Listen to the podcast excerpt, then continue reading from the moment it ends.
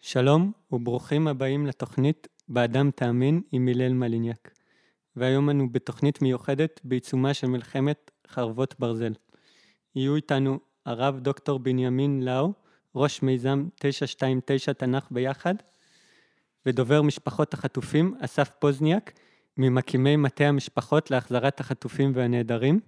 הצטרף אליי לרעיונות ניב מאירסון, סטודנט למשפטים ופעיל חברתי. שלום לרב דוקטור בנימין לאו, ראש מיזם 929, תנ"ך ביחד. שלום הרב בני. נעים מאוד, שלום. מה שלומך בימים אלו? מה, מה התשובה לשאלה הזאת? שהכל רועד. התשובה היא שאנחנו, אני יכול להגיד על עצמי, אני נורא שמח שכל הילדים שלי מגויסים בכל מקום אפשרי, גם בצפון וגם בדרום, וגם בפיקוד העורף, והנכדים, אשתי ואני מגויסים לנכדים, והחברה בכלל. אני מרגיש שאנחנו חברה שמגויסת, ומהבחינה הזאת אני מרגיש רעידה, מצד אחד התרגשות גדולה לראות את ההתגייסות מכל הכיוונים, ומצד שני דאגה עצומה עצומה לשלום החיילים והאזרחים, לשלום כולנו. וגם מעל הראש מרחפת השאלה של לאן הולכת המדינה, וזה כבר הרבה מעבר. אז ככה, זה שלומי. תודה על השיתוף. הרב לאו, תוכל לספר על מצוות פדיון שבויים במקרא ובהלכה, שהרמב"ם טוען שהיא החשובה מכל המצוות? כן, קודם כל, עצם המושג פדיון, זה כבר אומר כסף, כי פודין זה דבר שעולה המון המון כסף. ולפני שאני אדבר מילה על פדיון שבויים, ברשותך, אז אני אומר משהו על שחרור שבויים, בגלל שזה ביטוי אחר, נכון? אז אני אומר שאנחנו נמצאים בקריאת התורה, בספר בראשית, הדמות המובילה הראשונה היא דמותו של אברהם, ואברהם ידוע לנו בתור דמות רוחנית ומוסרית, וכל הבריתות שאברהם קוראת, אבל דמות נוספת של אברהם, או פעימת חיים נוספת של אברהם, זה שהוא יצא למלחמה כדי לשחרר שבוי.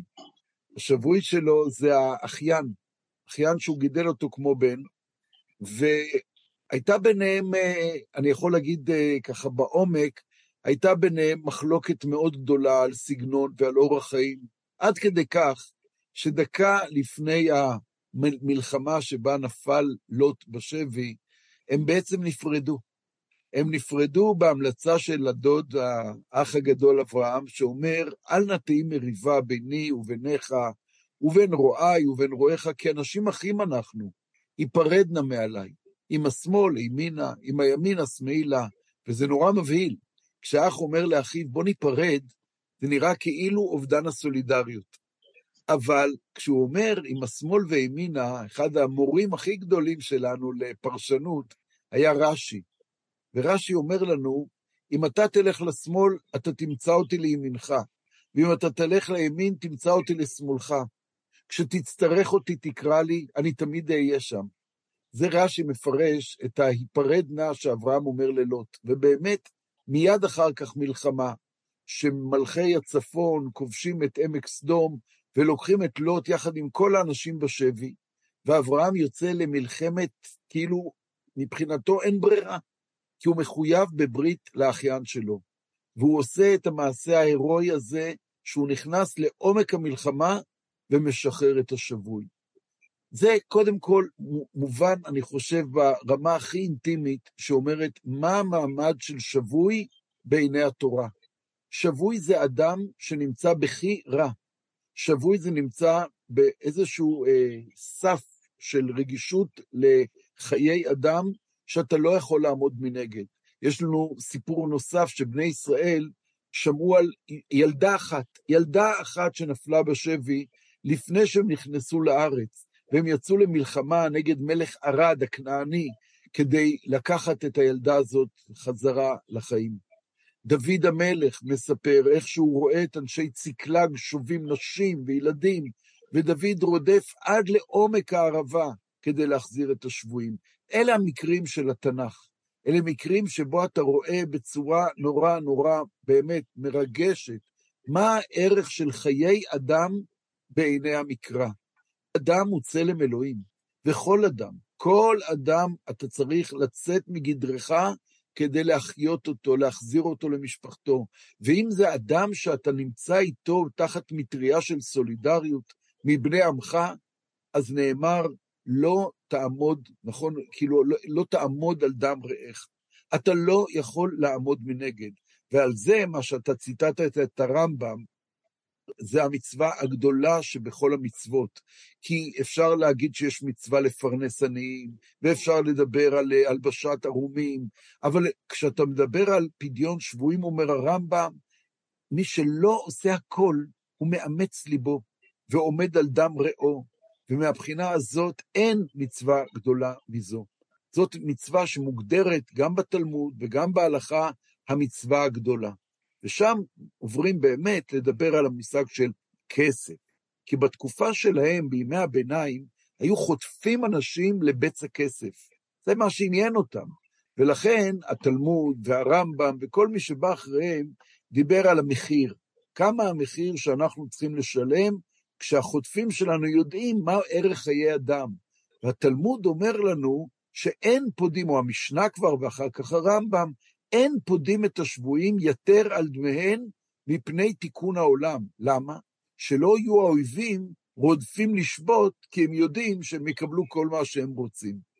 והדבר הזה שלא פודים שבוי יותר מדמיו, לא קשור, אם יורשה לי לומר, כמעט בכהוא זה, אל החוויה הישראלית שאנחנו מדברים על מדינה שכורתת ברית עם אזרחיה. מדובר פה על ימי ביניים של קהילות יהודיות שעמדו מול האלימות, האלימות של כל מיני חברות עברייניות שהיו חוטפים אנשים לבצע כסף. וזה, אומרים, אל תוציאו יותר מכדי דמיהם. איך מודדים? זאת שאלה מאוד גדולה. אבל כשאנחנו מדברים על מדינה ועל אזרחים, יש לנו מחויבות אחרת לגמרי. המושג של שבויי צה"ל, או חטופים אזרחים על ידי אויב, מעביר אותנו לשפה אחרת. ושם יש הסכמה מקיר לקיר. כל מי שנגע בזה מתוך תורת ישראל, רבנים מכל הזרמים ומכל העדות פסקו שצריך לשחרר שבויי צה"ל במחיר גדול. עכשיו תגיד, מה זה מחיר גדול? אני אומר בשיא הפשטות ובשיא הכנות, שרוב הרבנים דיברו כולל שחרור מחבלים עם דם על הידיים.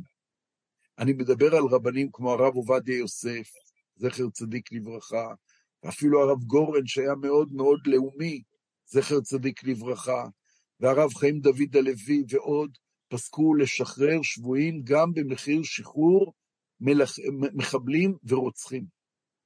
היו רבנים שהיו ככה מאוד מסויגים, יכול להזכיר uh, היום, זה uh, הרב שמואל אליהו, שמאוד מאוד מוביל את הקו שאומר, לא משחררים שבויים עם דם על הידיים, אה, מחבלים, סליחה, עם דם על הידיים, וזה דעה, זו דעה שמסתובבת אה, בארץ, וגם בקרב משפחות השבויים, אתם שומעים את זה, שיש את הוויכוח הזה, האם כל מחיר שידרשו החמאס, אנחנו ניתן ובלבד שיחזירו לנו את כל השבויים.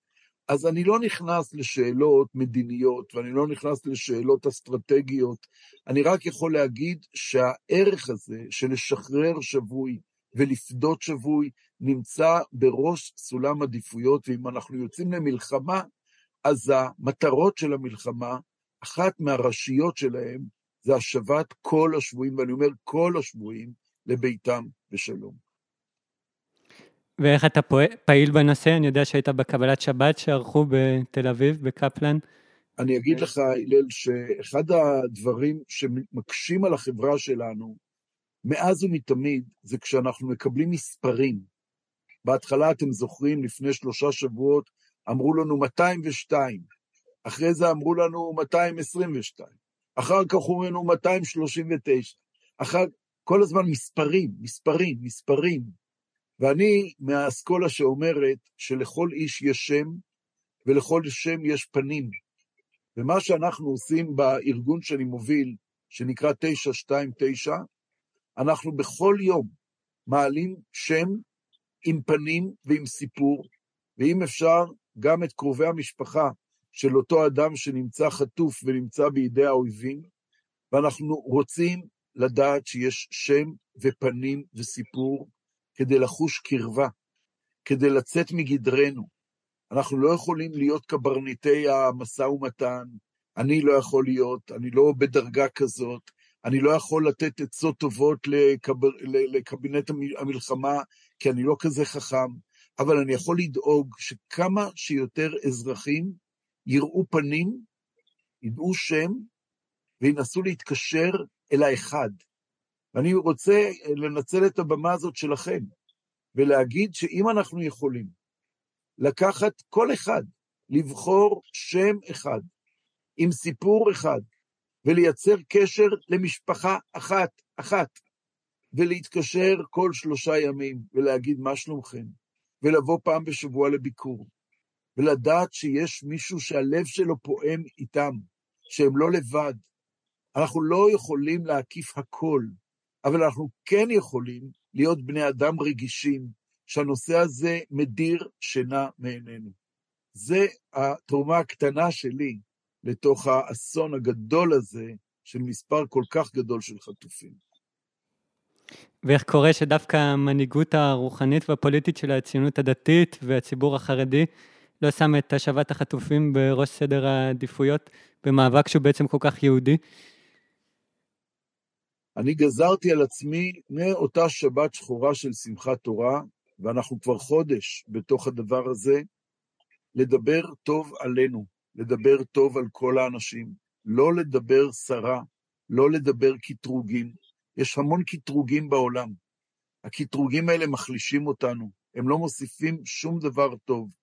אז כל אדם יעשה את חשבון עצמו, איך הוא מיטיב, מה הוא עשה היום לטובת החברה, לטובת הערכים שהוא מאמין בהם. וכן, כל אדם, גם רבנים בכלל בני אדם, עושים את החשבונות שלהם, איפה הם משקיעים את כל המאמצים בשביל שהחברה שלנו תהיה ראויה לשם ישראל. אז כמובן אתה מתנגד לשיח שמקדש את הנקמה על חשבון אה, חיי החטופים. אני לא מבין מה זה נקמה בכלל, אני, אני חושב ששיח נקמה הוא שיח של חלשים. אנחנו לא אומה חלשה, אנחנו אומה שחטפנו מכה איומה איומה לפני כמעט ארבעה שבועות, ואנחנו מגלים חוסן, גם חוסן פנימי, גם בצבא, גם בעורף. נקמה היא הביטוי החלש ביותר של האומה. אנחנו יכולים לפעול למגר אויב, למגר רשעה, זאת לא נקמה. נקמה זה אובדן עשתונות. אסור לאבד עשתונות. אנחנו צריכים לתת מלחמה ממש בכל הכוח כנגד הרשעה, לנסות למעט בפגיעה באזרחים חפים מפשע, להתפלל שגם עזה תשוקם. עזה היא לא האויב שלנו, חמאס הוא האויב שלנו, ואנחנו צריכים להתפלל לשיקום העוטף, לשיקום הקיבוצים, על ידי התנועות הכחולות, לדעת שהחברה תתרפא, ולדעת שהחלום הגדול שלנו זה לא להיות לבד בכל המרחב, אלא לחיות בחיי שכנות סבירים.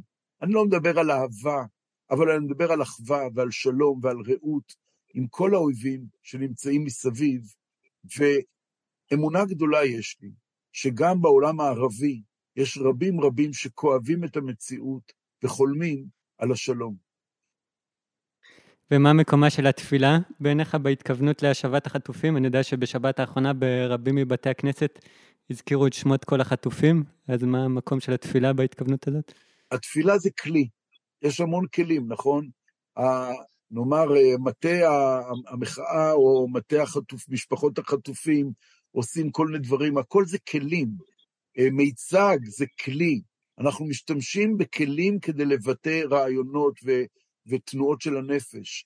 אנשים דתיים שרגילים בתפילה, התפילה היא כלי ביטוי עבורם, שהם רוצים לומר, זה כואב לי, זה אכפת לי, אני לא עוזב את הנושא הזה. זה לא הוקוס פוקוס, זה לא שאם אני עומד ומתפלל, אז זה ללחוץ על איזה כפתור באינטרקום והשער ייפתח. זה לעולם לא עובד ככה. התפילה היא ביטוי להשתדלות. את המעשה אנחנו לא עושים באמת. ואני רוצה רגע לחדד את הנקודה הזאת. אז אתה טוען הצלה של החטופים, גם אם תסכן אנשים אחרים בעתיד, היא מהלך עדיף מבחינה הלכתית ותורנית, כאילו למשל מקרה גלעד שליט ששחררו את יחיא סנואר. אני נורא נורא רוצה להיות מדויק. יש זווית ראייה שנקראת זווית איד... אידיאלית, בסדר? של עולם ההלכה, של עולם התורה, זאת זווית. ומהזווית הזאת, רוב פוסקי ההלכה, תמימי דעים, שצריך לעשות כל מה שאפשר, כולל, כולל שחרור מחבלים רוצחים עם דם על הידיים, כדי להביא אדם לביתו. שחרור שבויים כערך על במחיר כבד, כן. האם מבחינה מדינית, האם מבחינה פוליטית, האם מבחינה אסטרטגית, זה המעשה הראוי והנכון? אני חושב שאת זה צריך לתת שיקול דעת למי שעוסק בנושא ואחריות על כתפיו. לא תפקידם של רבנים להכריע את השאלה הזאת. תפקידם של רבנים להביע את העמדה האידאית, העמדה התורנית, העמדה העקרונית, אבל את שקלול כל הסיבות וכל האמצעים וכל הסיבות לכאן ולכאן, רק קברניטי המלחמה צריכים להכריע, אולי אנשי המדינה, אבל זה אחריות שלהם. ואם אתה אופטימי שנצא מהמשבר הזה מחוזקים? תלוי באיזה יום אתה שואל אותי. אני אה, מסתובב לא מעט במקומות של התנדבות. הייתי אתמול בביקור ברהט, וראיתי חמ"ל משותף, יהודי וערבי, שעושה אריזות של חבילות למשפחות, גם מרהט וגם מנתיבות וגם מכל מיני מקומות. באמת דברים מופלאים, ואתה יוצא אחרי שעתיים בחמ"ל הזה, אדם יותר אופטימי, שיש תקווה שמארג היחסים שלנו בחברה הישראלית יהיה הרבה הרבה יותר טוב. יש גם ימים שבהם אתה שומע עוד פעם את הקטטות, ועוד פעם את הקנאות ואת השנאות, ואז יוצא לך הרוח מהמפרשים. לכן אני משתדל גם לומר את הטוב, וגם להשתדל לעשות את הטוב, ולמעט בקטלוג ובקטרוג. אני רוצה להיכנס פה ולהגיד שאותי זה מאוד אה, מעודד לשמוע את השיח הזה. יש הרבה בציבור מכל הצדדים בשם האמונה או בשם שנאה של האמונה שמעודדים אה, קיטוב גם בינינו וגם לבחוץ, אז זה לא, זה, זה קול נדיר אני רוצה לומר ושטוב לשמוע אותו ולהדהד אותו. ורציתי מתוך זה לשאול אם אתה חושב איך אנחנו נוכל לצאת מתוך המשבר הזה, השבר הזה, גם הפנימי וגם החיצוני, באמת בתוך סולידריות גם פנימית וגם אה, אה, כלפי חוץ, אה, דתיים, חילונים, יהודים, ערבים וכולם. והייתי לפני הרבה הרבה שנים, הייתי סטודנט, אז לפרנסתי עבדתי בגינון. ואחד הדברים של... היה לי איזה מורה, גנן ככה מצוין, ואחד הדברים הראשונים שהוא לימד אותי, זה כשאתה מסתובב בגינה, תשים לב איזה צמח אתה מטפח ואיזה צמח אתה מדכא. הוא לימד אותי מה זה צמח טפיל, הוא לימד אותי מה זה צמח משתלט, הוא לימד אותי מה זה צמח עם פוטנציאל, פשוט, איזה ענף כדאי לעודד ואיזה ענף כדאי לדכא. ואני לוקח את השיעורים בגינון שקיבלתי לפני 40 שנה, אני אומר, את זה אנחנו צריכים ליישם כאן אצלנו. יש כוחות משתלטים בצורה איומה. בגסות, באלימות, אגב, מימין ומשמאל. באלימות ובגסות הם אומרים שלי הכל, ודוחים לתהום חלקים גדולים מן החברה. ויש ענפים אחרים שמתחת לסלע צומחת לפלא. באמת, פרחים יפים, ענפים יפים, ואני חושב שיש הרבה הרבה מה לטפח. זה תלוי, ואני לא נביא ואני לא יודע להגיד לכם באמת באמת את תמונת העתיד, האם היא אופטימית, האם היא פסימית, זה תלוי, אמרתי מקודם להילל, זה מאוד תלוי, זה משתנה, אבל אני יודע שיש פוטנציאל. אני יודע שאנחנו יכולים להצמיח מתוכנו חברה יותר סולידרית, יותר ממורכזת, פחות קנאית, פחות לאומנית ופחות שונאת, הרבה יותר מלטפת, הרבה יותר רכה. יש uh, שיר נפלא שכתבה רחל שפירא אחרי מלחמת יום הכיפורים, שהיא שרה, השכם השכם בבוקר, יצאנו לדרכנו, יצאנו לדרכנו שקטים ונדהמים. ואז היא אומרת שהתמונת מחר בשיר הזה היא אומרת, לימדנו את עצמנו ללמוד מההתחלה מפה טוב ורע, לימדנו לעצמנו להיות רכים יותר.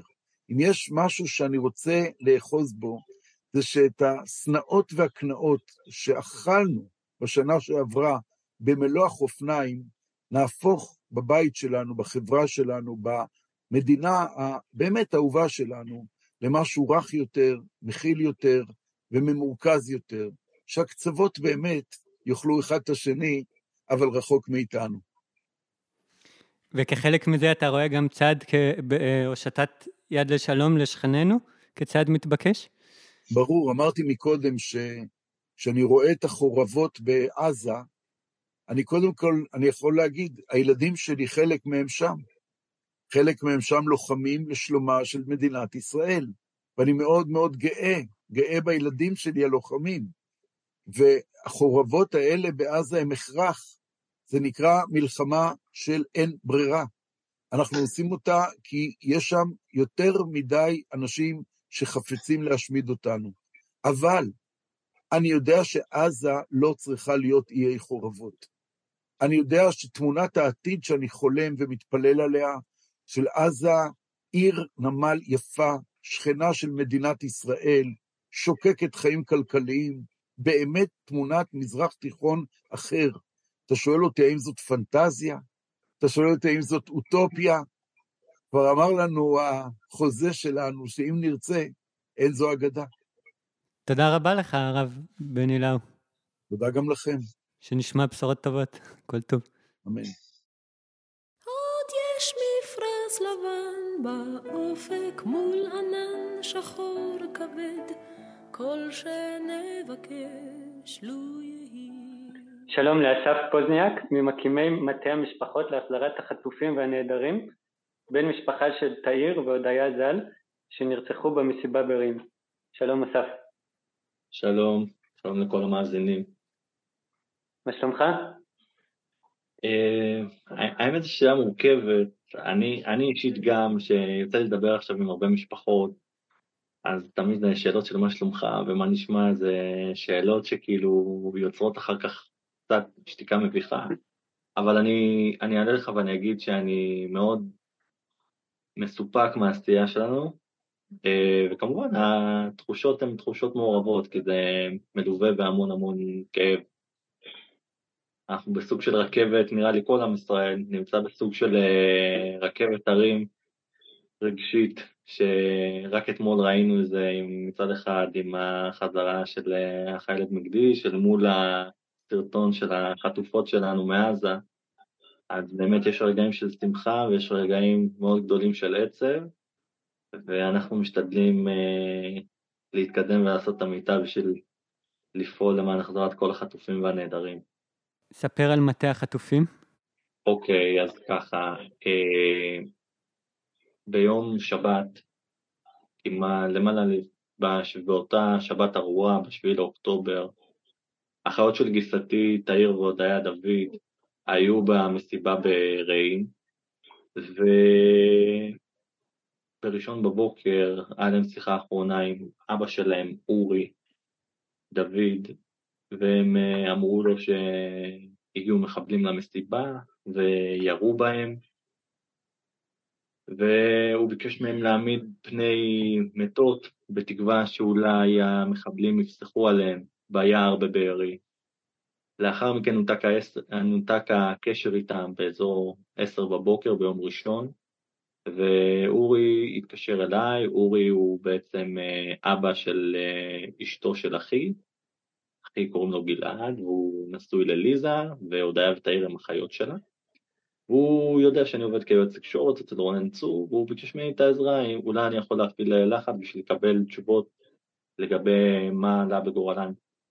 אה, פניתי לבוס שלי, לרונן צור, ואמרתי לו שחייבים לעשות משהו בשביל כל הנעדרים, כרגע הם עוד גדורו כנעדרים. אה, ומהר מאוד, כבר בראשון, חברנו לשתי יוזמות שנעשו במקביל, אה, אחד של עורך הדין דודי זלמנוביץ', שביתו הצליחה לברוח מהמסיבה ברעים, אבל אחיינו, עומר שם טוב, נחטף על ידי חמאס, חברנו גם ליועץ התקשורת חיים רובינשטיין, שגם הוא כינס המון משפחות של נעדרים, שלאחר מכן חלקם הפכו לחטופים. ביום ראשון בערב אה, יצאנו במסיבת עיתונאים שהנחיתי, שבה הודענו על הקמת מטה המשפחות להחזרת החטופים והנעדרים. אה, באותו רגע עוד לא היה ממש מטה פיזי, אז אה, השארתי את הטלפון שלי בשביל לקבל פניות לכל מי שמרגיש במצוקה. ואיבד את הקשר עם האהובים שלו, ובאמת קיבלתי אלפי הודעות, אס.אם.אס ושיחות על אנשים שהמדינה באותו רגע לא נתנה להם מענה, בימים הראשונים אני מדבר, והם לא ידעו מה בגורל האהובים שלהם, פתאום לילה אחד, האהובים להם מכל, האדמה בלעה אותם והם לא ידעו מה קורה איתם. ומהר מאוד הקמנו את מטה המשפחות אה, להחזרת החטופים והנעדרים, הוא פועל בכמה צירים, ואני אגיד את זה בקצרה, כי באמת יש לנו אלפי מתנדבים, יש לנו ציר משא ומתן אה, שכרגע בראשות ראש המוסד לשעבר יוסי כהן, יעקב ליבמן אה, ועוד מומחים נוספים, בציר המשפטי, שזה עוסק בכל הנושאים של פשעי חמאס, הגדרה של פשעי חמאס נגד האנושות ופשעי מלחמה, אותם מובילים דן אלדד ו...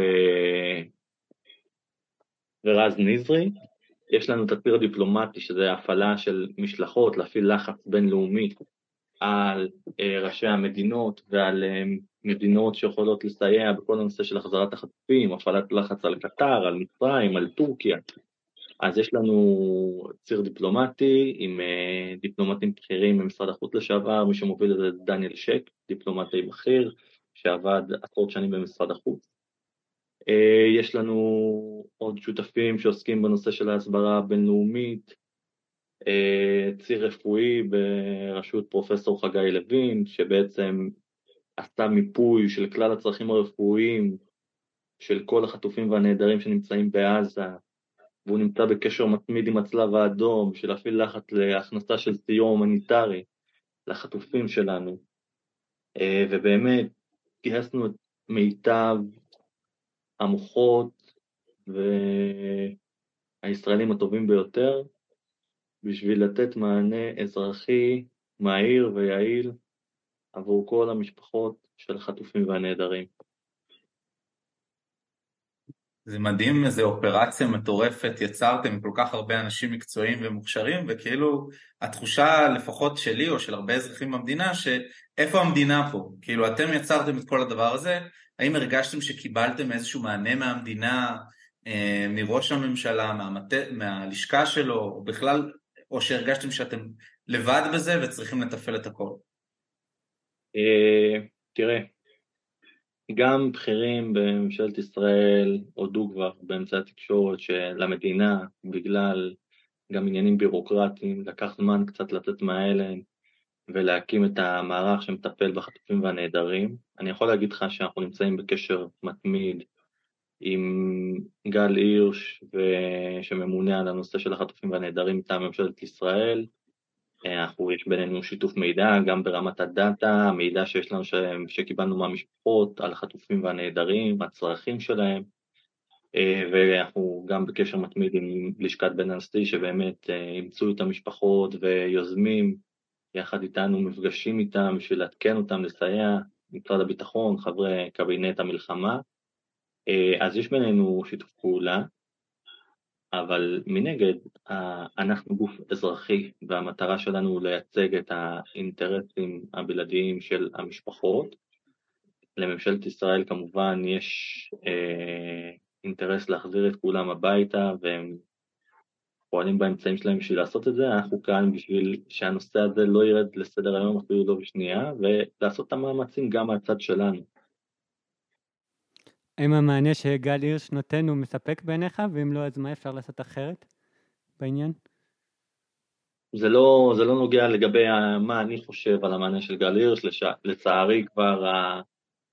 המשפחה שלי לא יהיה אפשר להחזיר אותה, אבל uh, בהחלט uh, אני חייב uh, לציין לטובה שהמענה שהמשפחות מקבלות הוא יותר טוב ממה שהיה בשבוע, בשבועיים הראשונים, עדיין אנחנו מקבלים פידבקים מהמשפחות שהם היו רוצים לקבל יותר מידע או תשובות יותר ברורות אה, מגלי ומהצוות שלו, אבל צריך לומר את זה שבהחלט יש שיפור, אבל עדיין הם אה, מבחינת כמות המידע והשיתוף שהמשפחות מצפות לקבל, הם היו רוצות לקבל יותר.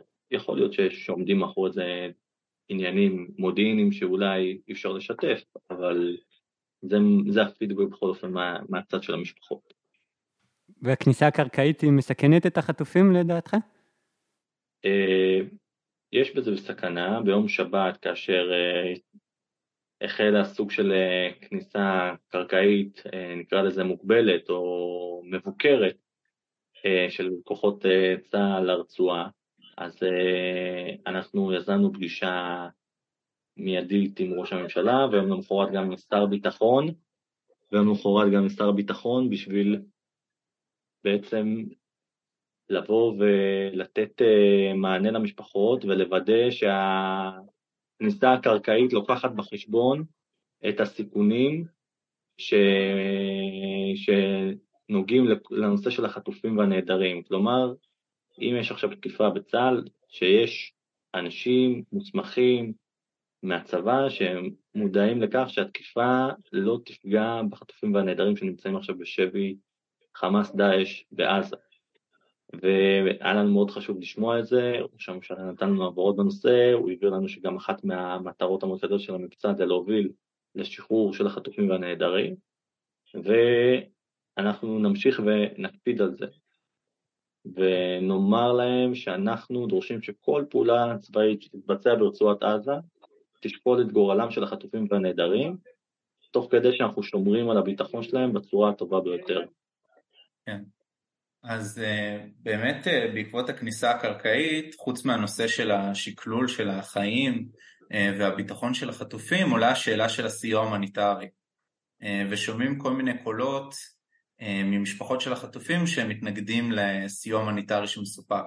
אז השאלה אם זה, זה עמדה רשמית של מטה משפחות החטופים שמתנגדים לסיוע הומניטרי, ואם כן, אם תוכל להסביר מה עומד מאחורי זה, או מה העמדות שלכם לגבי זה.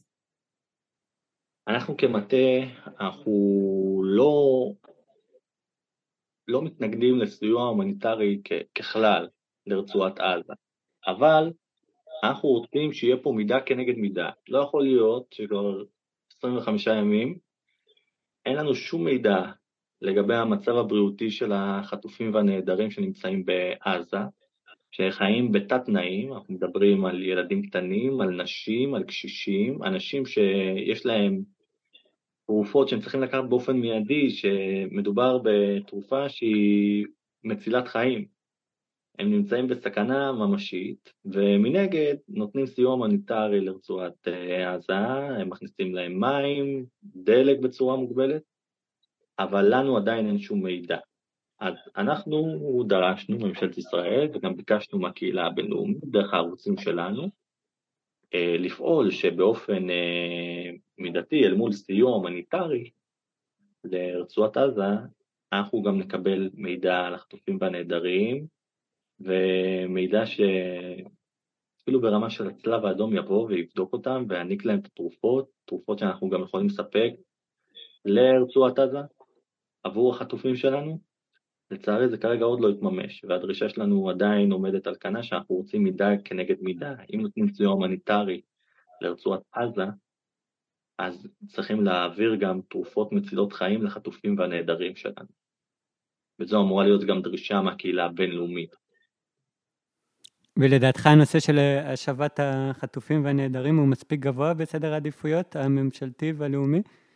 ואם לא, איך אפשר להעלות אותו יותר בסדר היום התקשורתי? נאמר במפורש גם על ידי ראש הממשלה, שר הביטחון, נשיא המדינה ושר החוץ, שהחזרת כל החטופים והנעדרים, חיילים ואזרחים כאחד, נמצאת כאחת ממטרות המבצע, מטרות המלחמה. Uh, המטרה שלנו כמטה זה כמובן לא רק uh, לקבל את אותה הבטחה, אלא לוודא שהיא מתממשת, ואנחנו נמשיך ללחוץ ולפעול בכלל הכיוונים בשביל שהמטרה הזאת תתממש. הקמנו את כיכר החטופים uh, ברחוב שאול המלך, בסמוך לקריה, שבו המשפחות מתכנסות, יש שם שעון עצר גדול, שכל אחד ממקבלי ההחלטות היושב בקריה רואה את כמות השניות, הדקות, השעות והימים שהיקירים שלנו נמצאים בשבי חמאס, דאעש בעזה. כל אחד ממקבלי ההחלטות צריך לחשוב איך הוא היה פועל ואיך הוא היה מתנהג אם הבן שלו היה בעזה. למשפחות נגמרה הסבלנות, הם מאוד השתדלו ופעלו בכדי להיות ממלכתיים ולהיות מאחורי הממשלה, אבל הם דורשים לראות עכשיו מעשים בשטח שיחזירו את בני המשפחה הביתה. פשוט מאוד. הם לא אזרחים של מדינות זרות, והם לא צריכים להיות תלויים ברצונם הטוב של שליטים זרים, או מנהיגי מדינות אחרות, בין אם זה הברית, קטר, ומדינות אחרות שמתוך אינטרסים אה, אולי שלהם, יבואו וישחררו את החטופים והנעדרים. אנחנו רוצים חזרה מיידית של כולם הביתה, ללא הבדל אם מדובר בחיילים או אזרחים, וגם לא, ללא הבדל אם מדובר באזרחים עם דרכון זר או כאלה שלא מחזיקים בדרכון זר. אנחנו כמובן מברכים על כל חזרה של אחד מהחטופים הישראלים הביתה, אבל אנחנו דורשים לראות פעולות ממשיות בשטח של מדינת ישראל, אתמול זו הייתה פעולת צבאית מבורכת כמובן, אנחנו צריכים לראות פעולה ממשית להחזרת כל החטופים וכל הנעדרים. והנושא מספיק גבוה בסדר היום התקשורתי בעיניך? אני חייב להגיד שגם בתקשורת הבינלאומית וגם בתקשורת הישראלית הנושא הזה מקבל במה, הסיפורים האישיים של משפחות החטופים והנעדרים זוכה לתשומת לב תקשורתית גדולה, והמטרה שלנו זה כל הזמן להשאיר את זה על סדר היום, שלכולם יהיה ברור בציבור הישראלי שאף אחד לא חוזר לשגרת חיים שלו בלי שכולם חוזרים הביתה. ואנחנו פועלים באמת בכל הערוצים, החל מטלוויזיה, רדיו, אה, הסברה בינלאומית, שלטי חוצות, מיצגים מיוחדים שאנחנו מרימים, באמת, הציבור הישראלי יוצא מגדרו גם כדי לעזור לנו, ונתרם ומרים מיצגים, אתמול למשל היה מיצג גדול ומאוד מאוד מרשים, לצערי גם עצוב, הוא נקרא מיצג המיטות הריקות בכיכר ספרא בירושלים, 239 מיטות ריקות המסמלות את כל החטופים שלנו שיושבים בעזה, ביניהם גם מיטות של תינוקות, באמת בני ארבעה, חמישה חודשים שגם הם נפתחו לרצועת עזה. יש לנו את מיצג אה, שולחן השבת שאנחנו יודעים, עושים מדי אה, סופש בכל פעם בעיר אחרת, זה התחיל בכיכר החטופים בתל אביב, עבר למקומות נוספים, אה, והמטרה שלו זה לבוא ולהגיד שאנחנו רוצים שאת השבת הבאה האהובים שלנו יעשו פה בישראל. והאם אתה אופטימי בנוגע לכך שהחטופים והנעדרים ישובו בסופו של דבר? אני אופטימי כי אני רואה את ההתגייסות של, של עם ישראל בשביל המטרה הזאת. ואני רואה את ה... באמת את הגיבוי שאנחנו מקבלים גם מהרבה שותפים מהעולם. אה, נכון, זה מאבק לא פשוט, ואנחנו צריכים אה, להבהיר להם שכל יום שהם נמצאים שם, להעביר הכוונה למקבלי ההחלטות, להעביר להם שכל יום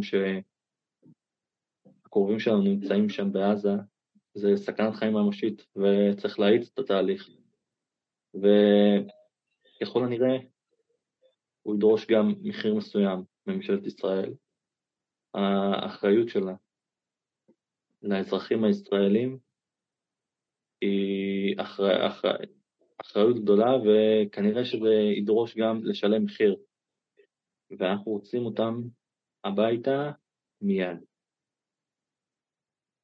גם, אז באמת שאלה אחרונה שנראה לי מעניינת מאוד את המאזינים ומאזינות זה מה הם יכולים ויכולות לעשות. אני בתור ירושלמי או לא ירושלמי בכל מקום בארץ שהפודקאסט הזה יגיע, אה, מה אפשר לעשות, איך אפשר להתנדב, באיזה דרכים אפשר לפעול, איך עושים את זה כדי לעזור למטה. אז קודם כל אנחנו באמת נשמח לכל יעד וכל אדם שישמח לתרום ולעזור. אה, אתם מוזמנים לפנות לאחד מהפלטפורמות שלנו, או באתר, אתם יכולים לכתוב בגוגל bring them home now, וזה האתר שלנו ויש שם אפשרות לרישום בשביל להתנדב. אתם יכולים להתקשר גם למוקד, שהוא גם לבירור עבור המשפחות וגם uh, מי שרוצה להתנדב, המספר הוא 03 54 7 7 7 7 7, חמש פעמים 7, אז זה הטלפון אה, בשביל, אה, למוקד, בשביל שיוכלו לחבר אתכם לעשייה, ויש המון המון דרכים, אה, יש לנו חומרים גרפיים, שזה כולל סיפורים של המשפחות, או דברים שאנחנו מעלים ברשתות החברתיות, שאתם יכולים לקחת חלק מההסברה שלנו גם בעולם וגם בישראל, ובאמת להשאיר את הנושא על סדר היום. מי שרוצה להתנדב פיזי באחד מהפעילויות שלנו, אחד מהמיצגים, ההפגנות, או פעילות שאנחנו עושים במטה, המטה הזה הוא בית לכולם, מימין, משמאל, מכל אחת משבטי ישראל, מוזמן ולהיות חלק מהעבודה הזאת, אנחנו בשביל מטרה אחת ומטרה אחת בלבד. אז uh, מי שרוצה להגיע פיזית ולסייע לנו, מוזמן.